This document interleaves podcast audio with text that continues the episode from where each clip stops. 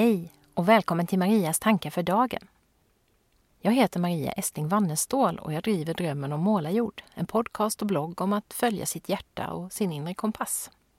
Marias tankar för dagen är mina bloggreflektioner i ljudform. Fram till och med julafton är mina tankefrön en del av årets julkalender som jag hoppas ska inspirera dig till reflektion och samtal. I den första luckan handlar det om just det. Att både utvecklas och bli mer hållbar som människa. Att hitta hela mig med hjälp av reflektion och goda samtal. Inför starten av årets julkalender har jag kikat igenom många gamla blogginlägg som jag skrivit från 2008 och framåt. Det har varit spännande att följa den resan lite utifrån och inse hur mycket som faktiskt har hänt under de här åren. Så mycket jag har lärt mig om mig själv och om världen runt omkring. Och så mycket bättre jag har blivit på att ta hand om mig, bli hållbar helt enkelt. För mig har egen reflektion, ofta i skrift, och goda samtal kommit att bli livsviktiga verktyg i min själsliga verktygslåda. Någonting som vi pratar om i min senaste poddintervju med Carolina Wiell. Bloggande, bokskrivande, sociala medier, tacksamhetsdagbok och så kallade morgonsidor.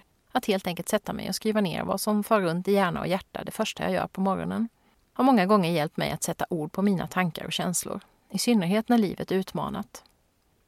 Att få skriva ur mig, ibland för en mottagare, ibland bara för mig själv, har gjort det lättare att kunna ta ett steg åt sidan och observera vad som händer.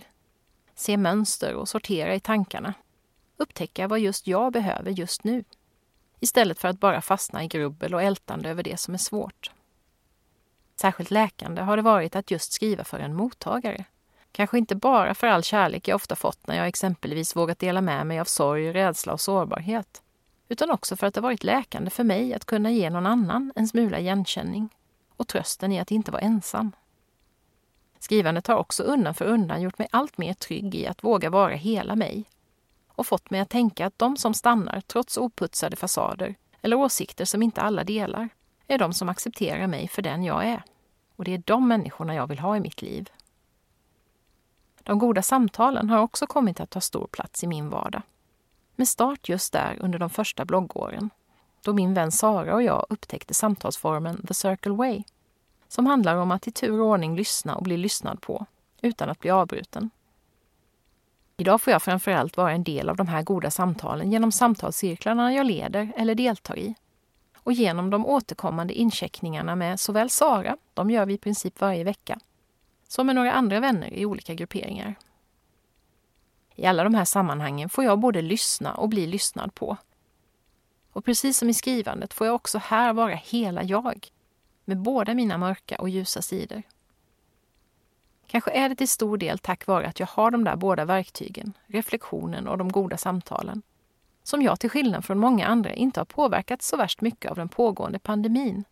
Även om jag naturligtvis känner varmt med alla som drabbats på olika sätt. Varken den skrivna reflektionen eller de goda samtalen är någonting som jag har behövt avstå ifrån. Även om samtalen mestadels har förts digitalt, några gånger utomhus.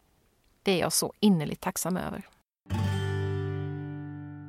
Och så till dagens fråga. Vilken plats har reflektion och goda samtal i ditt liv?